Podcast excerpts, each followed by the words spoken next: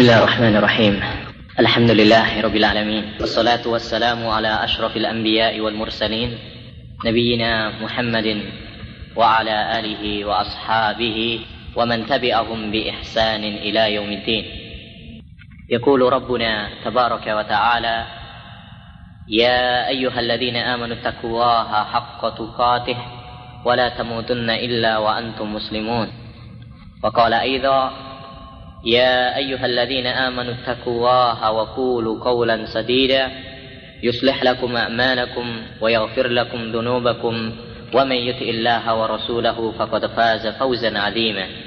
أما بعد فإن أصدق الحديث كتاب الله وخير الهدي هدي محمد صلى الله عليه وسلم وشر الأمور محدثاتها وكل محدثة بدعة وكل بدعة ضلالة وكل ضلالة في النار.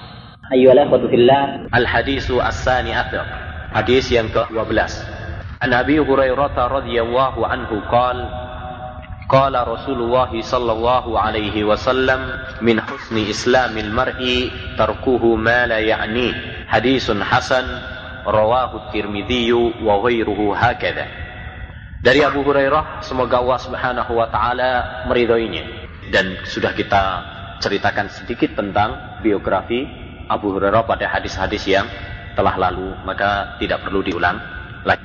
Radhiyallahu an semoga Allah Subhanahu wa taala meridhoinya. Na'am. Ya ini adalah sikap kita dan termasuk adab kita kepada para sahabat Nabi Shallallahu Alaihi Wasallam yaitu apa? Mendoakan mereka. Ya karena jasa para sahabat Nabi Muhammad Shallallahu Alaihi Wasallam ya ikhwani sangat besar. Mereka jihad memperjuangkan agama Islam mengorbankan jiwa ya harta untuk tegaknya agama Allah Subhanahu wa taala kalau kalian membaca sirah perjuangan para sahabat Nabi Shallallahu Alaihi Wasallam Bagaimana mereka memperjuangkan agama Islam sungguh sangat menakjubkan. Yang hal itu mewajibkan kepada kita untuk mendoakan kepada mereka. Oleh karenanya Allah Subhanahu wa taala dalam Al-Qur'annya mengajarkan kepada kita untuk mendoakan para sahabat Nabi Muhammad SAW. Setelah menyebut tentang keutamaan para muhajirin dan ansar Allah subhanahu wa ta'ala berfirman walladzina ja'u min ba'dihim yakuluna rabbana ighfir lana wali ihwanina alladhina sabakuna bil iman. Dan orang-orang yang datang setelah mereka yaitu setelah para sahabat Nabi SAW termasuk kita ya mereka berkata ya Allah ya punilah kami dan orang-orang yang telah mendahului kami dalam keimanan siapa orang-orang yang mendahului kita dalam keimanan kepada Nabi SAW yang beriman kepada Allah dan beriman kepada Nabi Muhammad SAW para sahabat Nabi. Mereka lah generasi yang pertama kali mengikuti Nabi, beriman kepada Nabi, berjuang bersama Nabi Shallallahu Alaihi Wasallam demi tegaknya agama Islam, sehingga nikmatnya Islam kita bersama. Ya, oleh karenanya, barang siapa yang mencela para sahabat, tidak mendoakan para sahabat, bahkan melaknat para sahabat, maka mereka adalah pada hakikatnya bukan seorang Muslim. Tidak ada seorang Muslim pun yang mencela para sahabat. Kata Abu Zur al-Razi rahimahullah dalam riwayat Al-Khatib Al-Baghdadi dalam Al-Kifayah, "Idza ra'aita rajulan yat'anu fi ashabi Rasulillah fa'lam annahu zindiq." Kalau engkau melihat seorang yang mencela satu saja dari seorang sahabat Nabi, maka ketahuilah dia adalah seorang zindik. Zindik itu apa? Seorang yang KTP-nya Islam tetapi hatinya adalah hati kafir, munafik. Dia menampakkan keislaman, tetapi pada hakikatnya adalah apa? Seorang yang non Muslim. Kenapa? Karena kalau seorang sudah mencela para sahabat Nabi Shallallahu Alaihi Wasallam, berarti ini mencela kepada Allah Subhanahu Wa mencela kepada Nabi Muhammad Wasallam, mencela kepada syariat Islam, mencela kepada Allah Subhanahu Wa Taala. Karena bagaimana mungkin Allah Subhanahu Wa Taala menjadikan orang-orang yang mereka anggap celah, bahkan sebagian kelompok seperti Syiah Rafidah mengkafirkan para sahabat. Bagaimana orang Allah Subhanahu wa taala menjadikan orang-orang kafir sebagai pembela Islam? Ya, generasi yang menyebarkan Islam. Ini celaan kepada Allah Subhanahu wa taala dan celaan kepada Nabi Muhammad wasallam. Kenapa? Karena Nabi Muhammad wasallam temannya adalah orang yang kafir. Dan celaan kepada syariat. Karena syariat ini ternyata dibawa oleh orang-orang yang tidak pantas untuk mem membawa. Jadi dampak ya konsekuensi dari mencela para sahabat bukan uh, sepele. Oleh karenanya ya madhab ahlu sunnah wal jamaah ya yang kita yakini adalah doakan para sahabat Nabi Muhammad Sallallahu Alaihi Wasallam ya. Setiap kali kita disebut para sahabat Nabi kita doakan mereka. Karena mereka adalah orang-orang yang berjasa. Bahkan Nabi Sallallahu Alaihi Wasallam melarang untuk mencela para sahabat la tasubbu ashabi. Dalam riwayat Muslim ya. Tatkala ada seorang sahabat yang mencela sahabat Khalid bin Walid mencela Abdurrahman bin Auf Eh, lalu dikatakan oleh Nabi SAW, La tasubbu ashab. Jangan kalian cela para sahabatku. Salam rahmatullah. Fawalladhi nafsi biyadi. Demi zat yang jiwaku berada di tangannya. Ya. Lau anfaqa ahadukum ya, uhudan dhahaba mil'a uhudin dhahaba ma balagha nisfa ahadi uh, apa ma balagha mudda ahadihim wala nasifah. Kata Nabi sallallahu alaihi wasallam demi Allah yang jiwaku berada di tangannya, di tangan Allah Subhanahu wa taala. Seandainya salah seorang di antara kalian ya, jadi umat selain sahabat Nabi Muhammad sallallahu alaihi wasallam berinfak emas segede sebesar gunung Uhud, maka ini tidak sebanding dengan apa? pahalanya para sahabat bah uh, satu mutnya ya satu mut yaitu satu apa ini? Dua telapak besar seorang yang sedang ya atau setengahnya. Tidak sebanding. Karena perjuangan para sahabat Nabi Muhammad SAW adalah sebagai pejuang pertama. Orang yang memperjuangkan agama Islam yang pertama tentu adalah berat dan sangat berat sekali. Lihatlah sirah bagaimana uh, Nabi Shallallahu Alaihi Wasallam di awal-awal Islam. Ya, bagaimana para sahabat Nabi Shallallahu Alaihi Wasallam mendapatkan rintangan, tantangan, cobaan yang tidak ringan. Ya, semua itu kalau kita pelajari maka akan menjadikan kepada kita bersyukur kepada Allah SWT dan jadikan kepada kita untuk bangga memiliki pejuang-pejuang, pahlawan-pahlawan seperti para sahabat Nabi Shallallahu Alaihi Wasallam.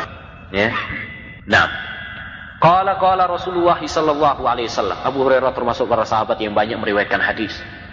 Ya, yang banyak meriwayatkan hadis. Oleh karena itu orang-orang Syiah sangat benci terhadap Abu Hurairah radhiyallahu anhu seperti yang sudah kita singgung.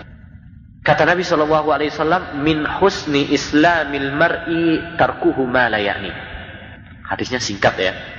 Min husni islamil mar'i tarkuhu ma la ya'ni. Sedikit katanya. Tapi Hadis ini kalau kita terapkan, Masya Allah, mencakup luas. Kata Nabi, min, di antara husni islamil mar'i, kebaikan Islam seorang, tarkuhu ma meninggalkan apa yang tidak berfaedah baginya. Ya, tidak penting baginya. Min husni, termasuk kebaikan.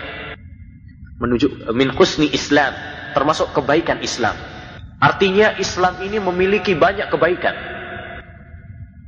Termasuk di antara kebaikannya adalah ini. Jadi min di sini bermakna apa? Sebagian. Ya, di antara. Seperti wa minan nas. Di antara manusia ada yang mengatakan ini yakni min ba'din nas, sebagian manusia, tidak semuanya. Termasuk juga ini, termasuk kebaikan Islam Islam memiliki kebaikan yang banyak. Salah satu di antaranya adalah apa yang dicantumkan oleh Nabi dalam hadis ini. Nah, oleh karena itu dari hadis ini dapat kita ambil faedah bahwasanya Islam adalah agama yang memiliki banyak kebaikan. Dan itu benar. Islam adalah agama yang memiliki banyak kebaikan. Syariat-syariat, syariat-syariat ya yang di tetapkan oleh Allah Subhanahu wa taala bagi hambanya merupakan syariat yang penuh dengan kebaikan, penuh dengan hikmah, penuh dengan keadilan. Ya. Banyak sekali dalam hukum-hukum Islam, ya, syariat-syariat Islam kalau kita pelajari ternyata menyimpan banyak sekali kebaikan dan keadilan bagi hambanya. Sekalipun mungkin bagi sebagian orang apa? Ini bertentangan. Saya ambil contoh satu saja yang sekarang santer dibicarakan oleh orang yaitu masalah poligami. Seorang lelaki dalam agama Islam boleh menikah lebih dari satu. Ya, fankihu ma tabalakum minan nisa'i mathna wa thulatha wa ruba. Dalam surat An-Nisa. Ayat ini menunjukkan kepada kita tentang bolehnya seorang lelaki menikah lebih dari satu. Batas terakhir yaitu berapa? Empat. Dalam Islam diperbolehkan. Dan ini termasuk keindahan Islam, kebaikan Islam. Sekali bagi sebagian orang, apa? Aib. Poligami aib. Atau apa namanya mendolimi para wanita dan sebagainya seperti yang banyak didengungkan oleh orang-orang yang menentang agama Islam. Padahal kalau mereka mau menelusuri tentang hikmah di balik poligami, banyak sekali hikmah dan faedahnya. Apa alasannya seorang lelaki boleh menikah lebih dari satu istri? Disebutkan oleh Al-Imam Syinkiti rahimahullah dalam Adwa'ul Bayan. Ya. Salah satunya kenapa? Karena jumlah wanita itu sensus menunjukkan bahwasanya jumlah wanita lebih banyak daripada jumlah laki-laki. Kaum lelaki banyak yang kerja, ya, jihad, perang, ya, keluar sehingga banyak yang kecelakaan, banyak yang mati. Sehingga para wanita jumlahnya lebih banyak. Ya, jumlahnya lebih lebih banyak. Lah, tinggal dua pilihan. Apakah kita akan membiarkan para wanita tidak menikah?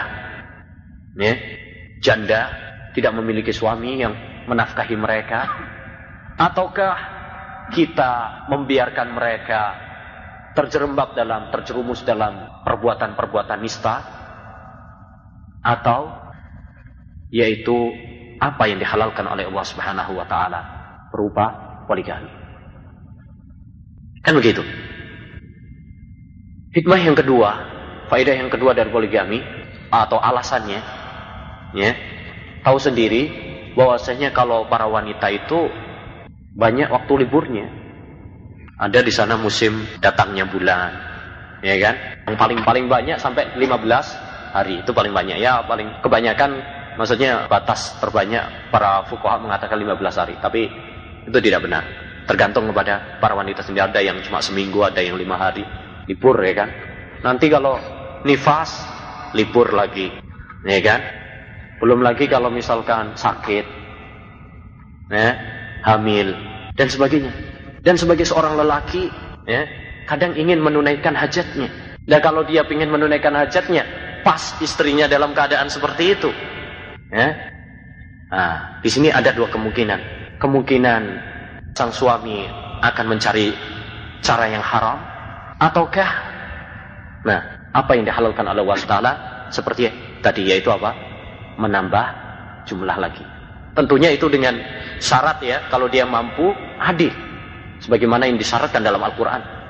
Ya, kalau nggak mampu adil nggak boleh, ya, tidak di, diperbolehkan.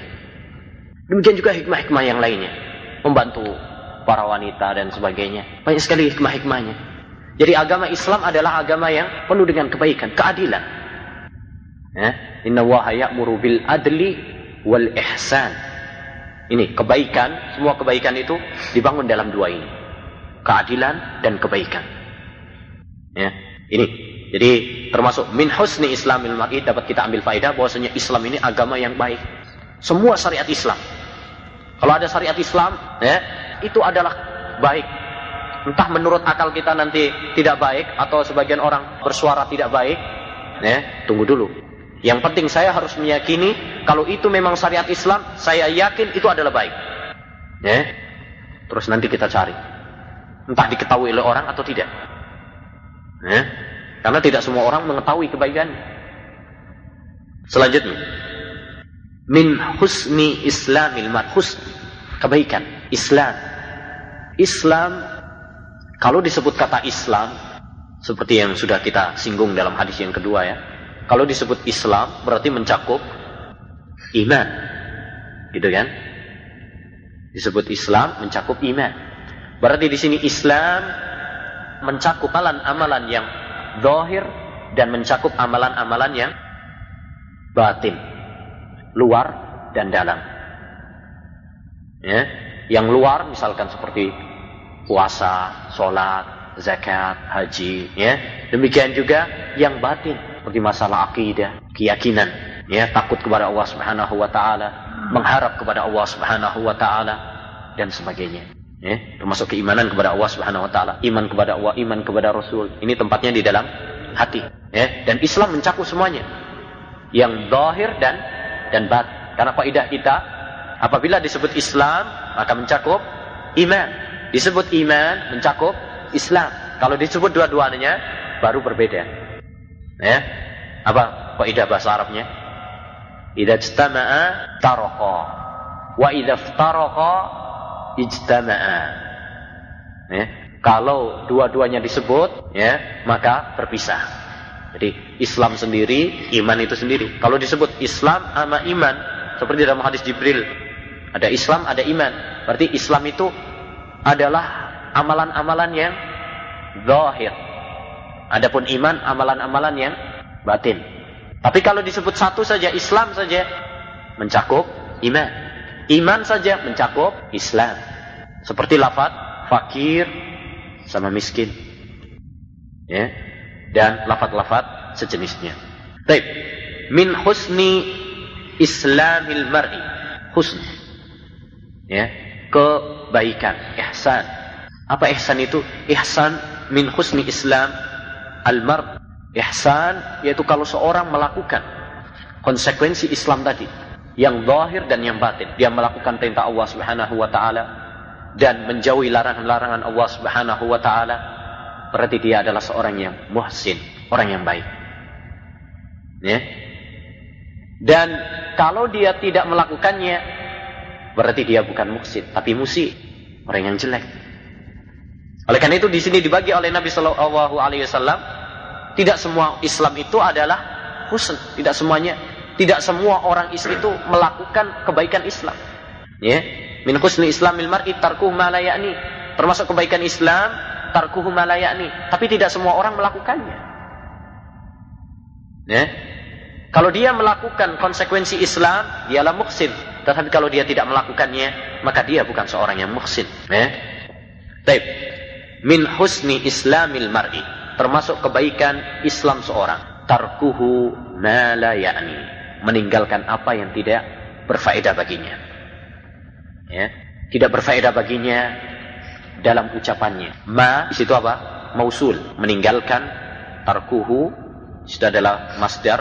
Ma adalah mausul nakir uh, yang bersifat termasuk sighatul umum umum jadi ma mencakup umum baik apa yang tidak berfaedah baginya dalam ucapan maupun perbuatan.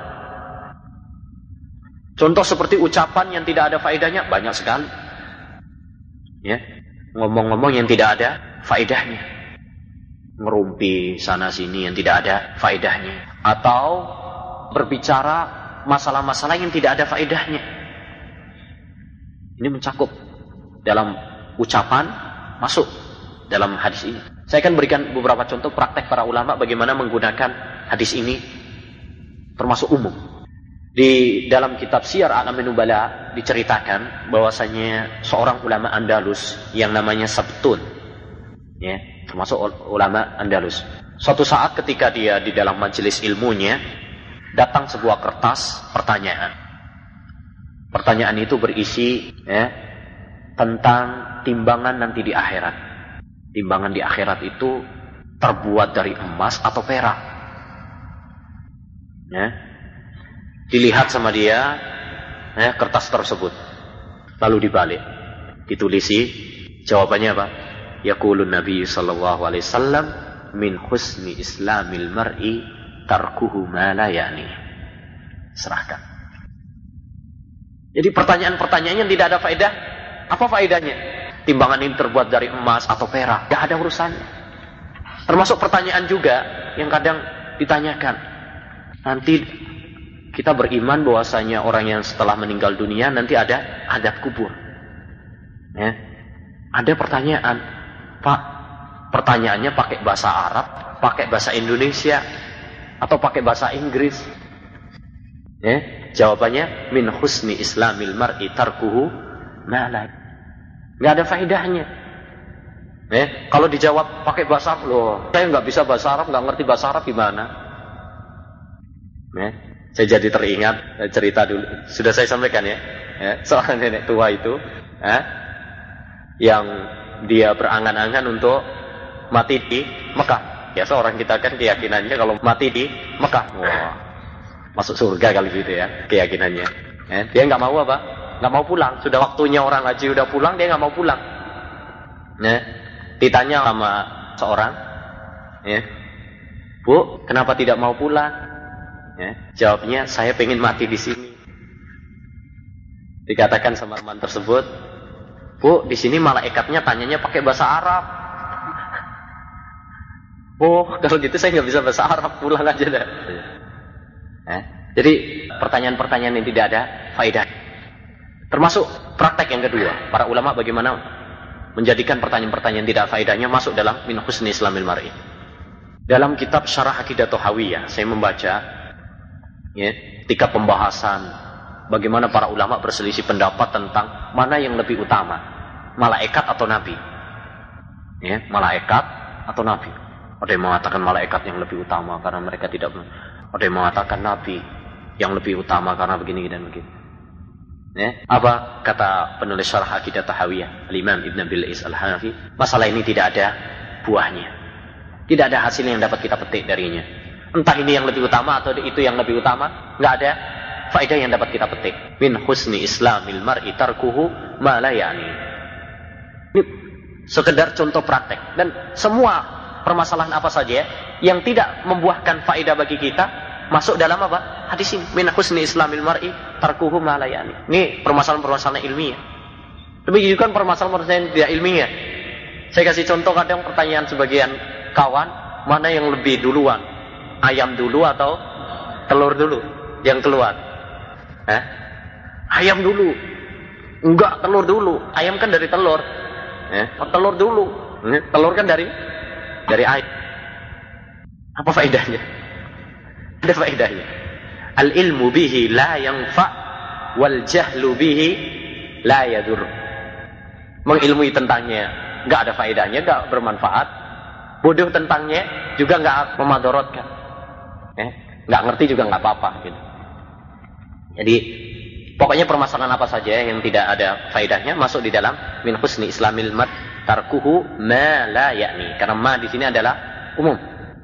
Ya, umum. Apalagi ini kalau yang tidak ada faedahnya. Bagaimana dengan yang malah membahayakan? Kalau yang tidak ada faedahnya saja, Nabi menganjurkan kepada kita untuk meninggalkannya. Bagaimana dengan apa? Yang membahayakan. Tentu lebih. Ya.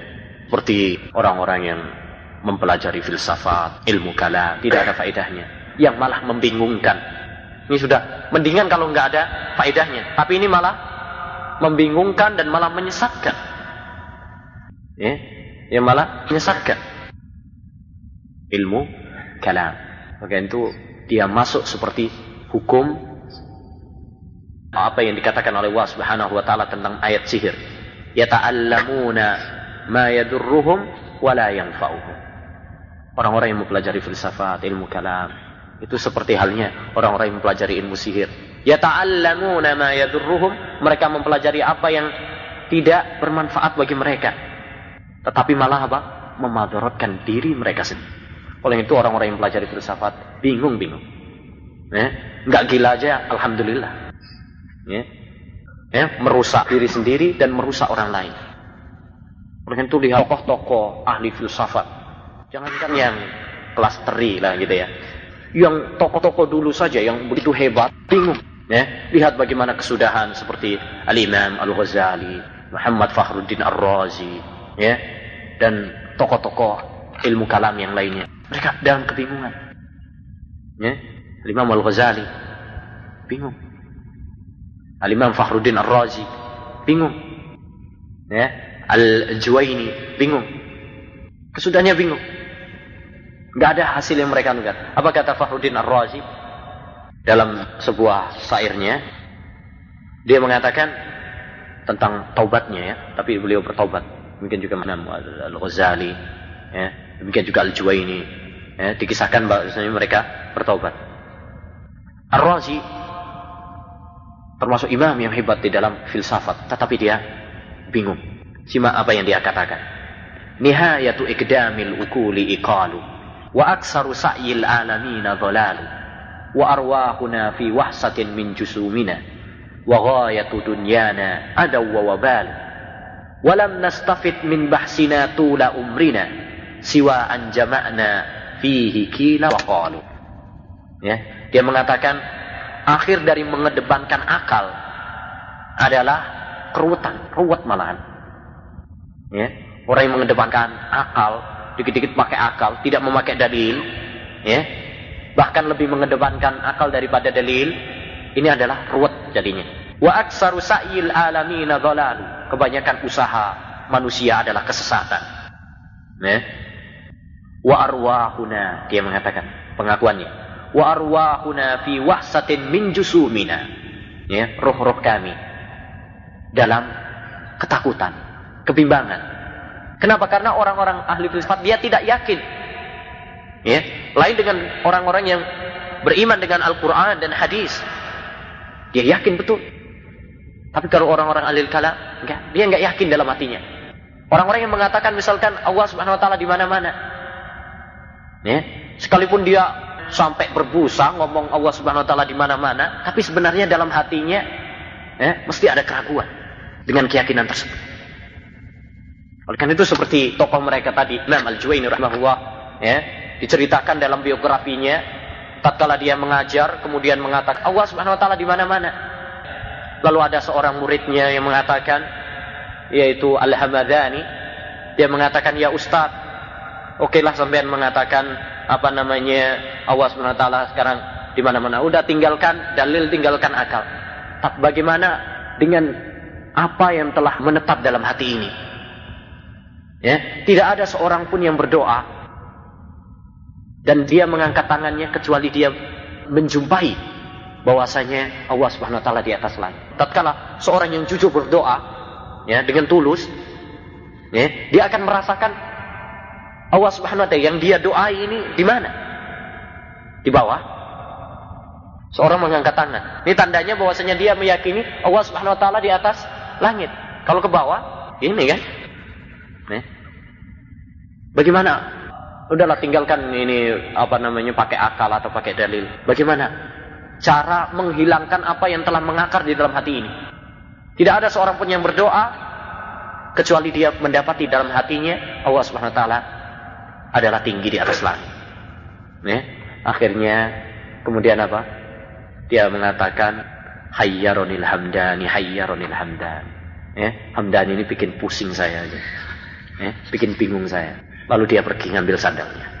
Yang alhamdulillah setelah itu di akhir hayatnya dia juga apa? Bertobat kepada Allah Subhanahu wa taala. Ini hasilnya orang-orang yang pelajari ilmu-ilmu yang tidak ada faidahnya. Wa ghayatu dunyana adaw wa wabal. Ya, puncak dari dunia kami adalah ya ini kebingungan. Ini pengakuan tokoh mereka ya. Walam nastafid min bahsina tula umrina. Kami tidak mengambil faedah ya selama sepanjang umur kami. Selama kami menuntut ilmu filsafat ini sepanjang umur tidak mengambil faedah sedikit pun. Siwa anjama'na fihi kila wa. Kecuali hanya mengumpulkan apa? Eh, kila wa. Ya. Ini ngomongnya ini begini, ngomongnya itu begini. Ya. Tidak ada qala Allah, qala Rasulullah. Padahal itulah ilmu yang yakin. Ya. Oleh karena itu tanamkan kepada diri kita dalam beragama ini tanamkan apa? Beragama di atas dalil. Ya. Jangan ambil yang lain-lainnya. Qala Allah, qala Rasulullah. Al ilmu qala Allah, qala Rasuluhu. Qala sahabatu laysa bitamwih. Mal ilmu nasbuka lil khilafi safahatan bainar rasuli wa ra'yi faqih. Ya, kata Imam Az-Zahabi rahimahullah taala, ilmu adalah apa yang dikatakan oleh Allah dan apa yang dikatakan oleh Rasulullah sallallahu alaihi wasallam. Itulah ilmu.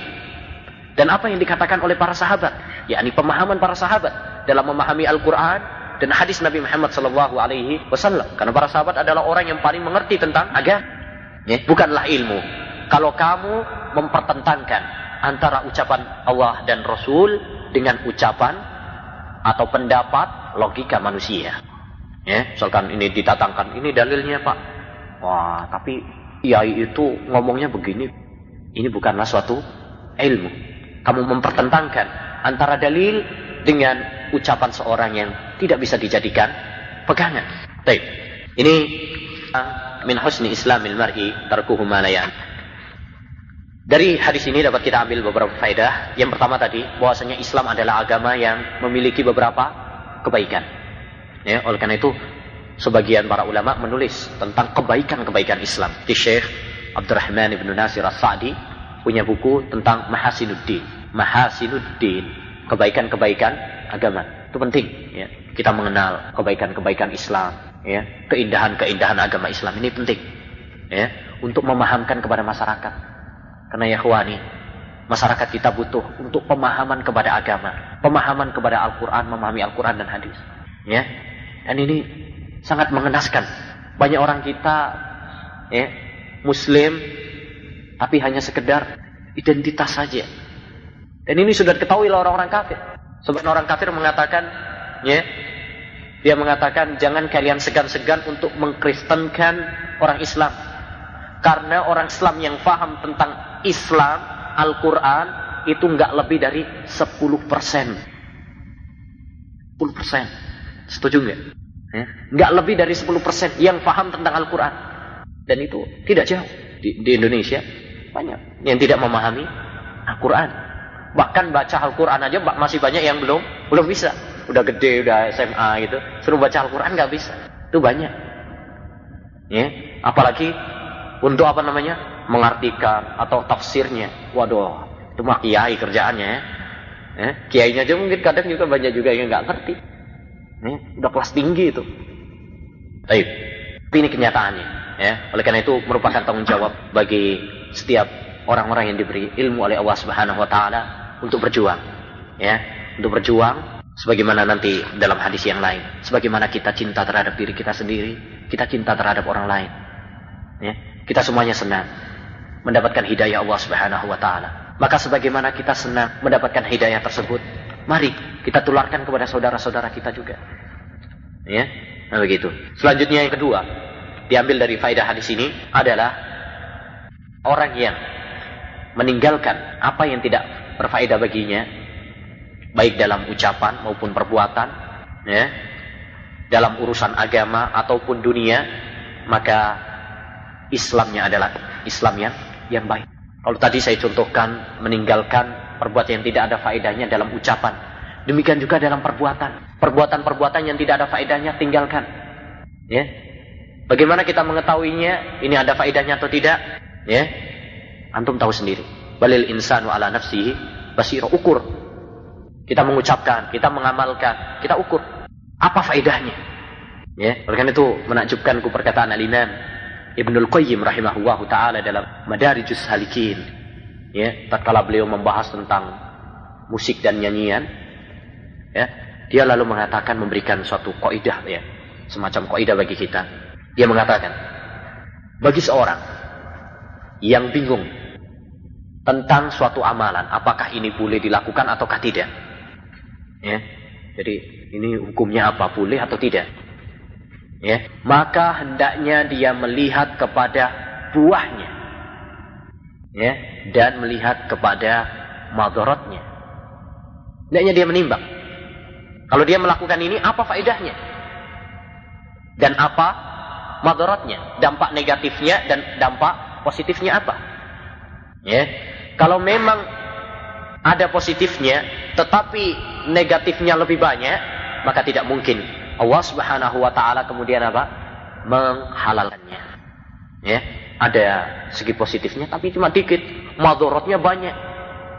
Positifnya satu, tapi negatifnya sepuluh. Tidak mungkin kemudian Allah Subhanahu wa taala menghalalkannya. Ya, contohnya banyak kok ide ini. Contoh misalkan seperti minum khamr. Yas'alunaka 'anil khamr. Yas'alunaka 'anil khamri wal maisir qul ma ithmun kabir wa manafi'u linnas. Mereka bertanya kepadamu tentang khamr dan perjudian. Katakan bahwasanya dalam perjudian dan khamr tersebut ada dosa. Tetapi ada manafi'u linnas, ada manfaatnya juga. Suf, perhatikan. Di situ dikatakan oleh wasa ism, dosa. Wa manafi, tetapi ada manfaat-manfaat pakai jamak lagi, manfaat. Jadi Homer itu ada manfaatnya. Homer ada manfaatnya untuk penghangat tubuh mungkin ya.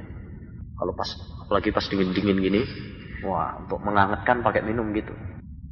Ya, sehingga di sebagian tempat disebut masrubat rohani, ya, minuman rohani. Homer itu. Ya, disammunaha bi ghairi ismiha. Mereka menamainya dengan uh, bukan namanya. Tapi sekalipun demikian, apa kata Allah SWT? Innamal khamru wal maisir wal azlam ritsum min amali syaitan fajtanibuh la'allakum tuflihun. Itu contohnya. Jadi sekalipun khamr perjudian itu ada manfaatnya, tetapi ingat, ya, itu adalah lebih berbahaya. Ya, mabornya lebih besar termasuk amal syaitan, perintah setan dan sebagainya. Jadi kita lihat, demikian juga dalam amalan-amalan yang lainnya. Kita lihat apa faedahnya dan apa madaratnya. Contoh misalkan main catur misalkan. Ya, main catur, remi. Ya. Ditimbang. Ini hukumnya apa ini? Ditimbang aja sendiri. Apa manfaatnya? Apa manfaatnya? Ngasah otak katanya. Ngasah otak. Ya.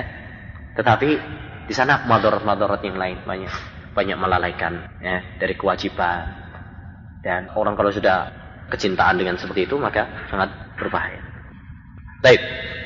Selanjutnya faidah selanjutnya pemahaman terbalik dari hadis ini kalau tadi anjuran meninggalkan apa yang tidak ada faedahnya berarti pemahaman kebalikannya mafhumnya adalah hendaknya bagi seorang muslim untuk beramal ya berusaha melakukan ya hal-hal yang bermanfaat. Tadi tadi suruh untuk meninggalkan hal-hal yang sia-sia, berarti apa? Lakukan yang bermanfaat.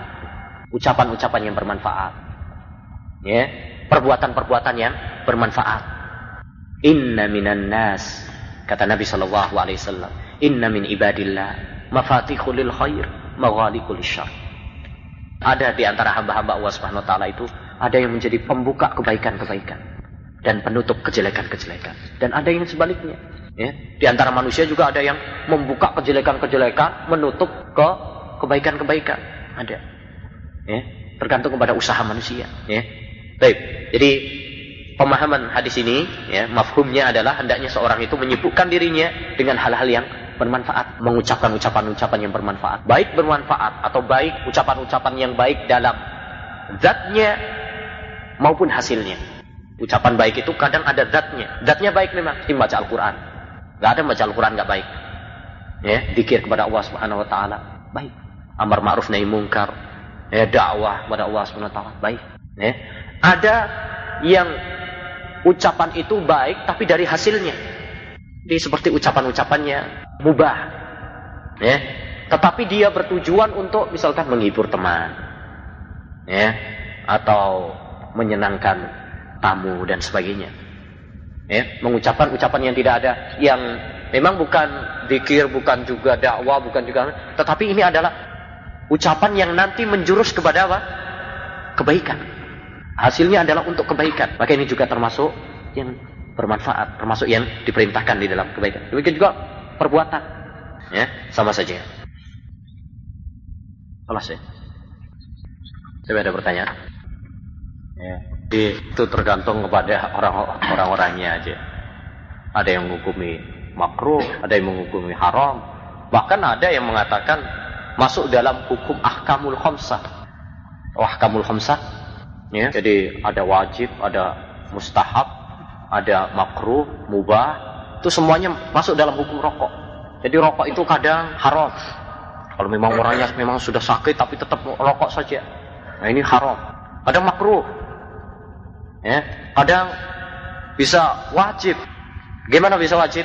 Misalkan dia kalau tidak ngerokok, ya, waduh, nggak bisa kerja, nggak bisa sholat malahan. Nanti sholat malah nggak khusyuk. Wajib. Nah, ada mustahab, ada mubah. Eh, ini ya nih Sebenarnya permasalahan tentang rokok ini adalah permasalahan apa namanya istilahnya hawa nafsu saja. Ya, sebenarnya nggak usah banyak apa namanya kita berjidal dengan mereka tentang masalah rokok. Sebenarnya orang-orang perokok pun sebenarnya mengakui Bahwasanya rokok itu adalah memadorotkan dan sebenarnya. Cuma hanya sekedar syahwat dan sulitnya mereka berlepas diri darinya. Ya. Oleh itu tanamkan jangan langsung di kalau ketemu orang rokok rasanya sulit kalau kemudian langsung minta lepas ya. Hari itu langsung bertobat meninggalkan rokok ini rasanya sulit ya. Untuk itu perlu bertahap. Lihat di dalam bagaimana ajaran Allah Subhanahu wa taala tentang haramnya khamr. Khamr dulu sangat dicintai oleh orang-orang jahiliyah. Para sahabat pun tatkala masih Islam masih banyak yang minum khamr karena belum turun ya. Tahap cara pengharamannya bertahap. Yas'alunaka anil khamri ya, disebutkan oleh Allah Subhanahu wa taala utama manfaatnya tetapi ada dosanya. Tahapan yang kedua ya la taqrabus shalah wa antum jangan kalian mendekati salat salat tok yang lain masih boleh. Dipersempit ya. Setelah mereka siap ya lalu apa turun ayat Allah? Innamal khamru wal maisiru wal azlamu ridsun min amal syaitan. Fajtanibuhu la'allakum tuflihun. Demikian juga masalah misalkan orang kita tahu nggak bisa langsung ya perlu bertahap. Sekalipun nggak kita katakan karena nggak ada ayat tentang rokok ya kan? Nggak pakai. Tapi perlu bertahap. Sabar di dalam menasehati ya. Dan rata-rata mereka itu sebenarnya mengakui. Rata-rata mengakui. Ya sebenarnya. Udah terlanjur ya, ya terlanjur. Tapi sebagian yang insaf ya sebenarnya bapak juga pingin apa? Pingin tapi nggak bisa susah. Nah, itu bohong juga sebenarnya. Buktinya kalau pas Ramadan juga bisa jadi sebenarnya masalah rokok itu sebenarnya masalah ya hawa nafsu saja adapun tentang hukum yang benar tidak ya yang jelas yang benar adalah hukumnya adalah haram ya Syekh Abdurrahman As-Sa'di punya risalah tentang masalah rokok khusus tentang dampaknya dalam kesehatan, dampaknya dalam masyarakat, dampaknya dalam politik, ya, dampaknya dalam segi harta. Nah gitu. Banyak sekali dari segi kesehatan jelas dalam rokok aja sudah tertulis kan. Rokok dapat merugikan kesehatan. Itu sudah terpampang, ya. Kalau mengatakan makruh, ya, kalau mengatakan makruh, anggaplah makruh. Anggaplah makruh. Eh, makruh kan bukan berarti kemudian langsung di, dilakukan ya kan? Bagaimana dia berusaha untuk meninggalkan? Ya enggak? Makruh kan apa? Ma yusabu fa'iluhu wa yu'aqabu tarikuhu. Yang diberi pahala, ya, tidak diberi ikop ya orang yang lakukannya. Tapi itu mereka mengatakan makruh hanya sekedar apa? Hawa nafsu lagi. Ya, hawa hawa nafsu. Semuanya hawa nafsu ya. Kalau mereka mau jujur, mereka sekarang percaya dengan ucapan dokter. Ya enggak kalau mereka datang ke dokter, ya, tentang untuk periksa sakitnya mereka, mereka percaya sama dokter. Sekarang giliran para dokter semuanya bersepakat bahwasanya rokok membahayakan. Oh, mereka nggak percaya. Bukannya nggak percaya, tapi sulit menerapkannya. Iya kan? Jadi permasalahannya sebenarnya bukan permasalahan sangat dalil atau tidak dalilnya, hukumnya makruh atau haramnya, hawa nafsu. Ya, masalah rokok itu masalah hawa nafsu saja. Ya. Kata sekarang muskilahnya bukannya yang orang-orang awam saja yang jadi korbannya, malah orang-orang yang berilmu, bahkan dokternya juga kena juga. Jadi ini muskilahnya. Oleh karena itu semuanya kembali kepada takwa kepada Allah Subhanahu wa taala. Ya. Kalau disebutkan dalil-dalilnya tentang haramnya rokok ya banyak sekali. La darara wa la dira wa la bi'idikum minat tahluka. Ya. Kemudian madarat-madaratnya. Masuk dalam kaidah tadi ya. Kalau kamu ingin mengetahui hukumnya sesuatu, ya, lihat apa faedahnya dan apa madaratnya. Faedahnya sekarang apa? Faedahnya, faedah merokok. Kesenangan aja kan? Kesenangan saja, enak gitu aja. Ya, tapi madaratnya banyak sekali. Ya, madaratnya dari segi fulus, harta, kan kalau dikumpulin bisa bikin rumah, ya, bisa bikin pabrik mobil. Yang Kemudian dari segi apa nih kemasyarakatan baunya di mana-mana membahayakan rokok kan di pom bensin dilarang rokok. Nanti bisa mengakibatkan kebakaran. Ini rokok masyarakatan. Kemudian di sana ada sesama ini kan ngobrol sambil ngerokok aduh baunya minta ampun. Karena baunya perokok lebih dahsyat daripada baunya bawang. Kalau bawang saja yang dikatakan oleh Rasulullah SAW, ya, orang yang makan bawang jangan mendekati eh, masjid Bagaimana dengan baunya orang-orang yang rokok? Bau. Ya. Bahwasanya orang kafir tersebut nanti akan digunakan untuk ibadahnya, udah nggak boleh.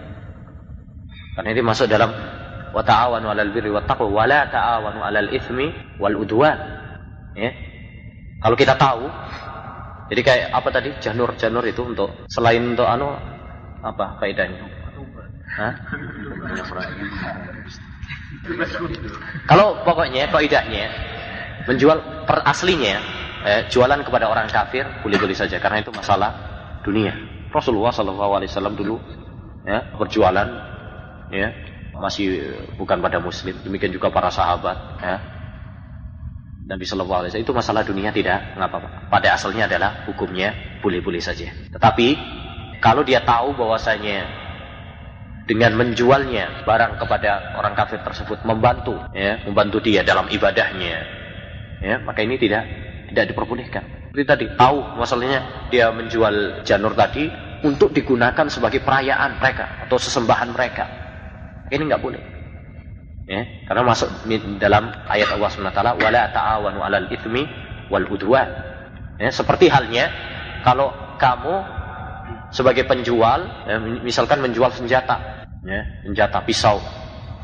Kamu menjual kepada seorang yang kamu tahu orang ini nanti membeli barang tersebut untuk membunuh bunuh orang, ya. Maka ini adalah apa? Tidak diperbolehkan.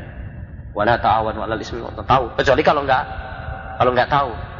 Ya, maka ini enggak masalah. Allahu a'lam.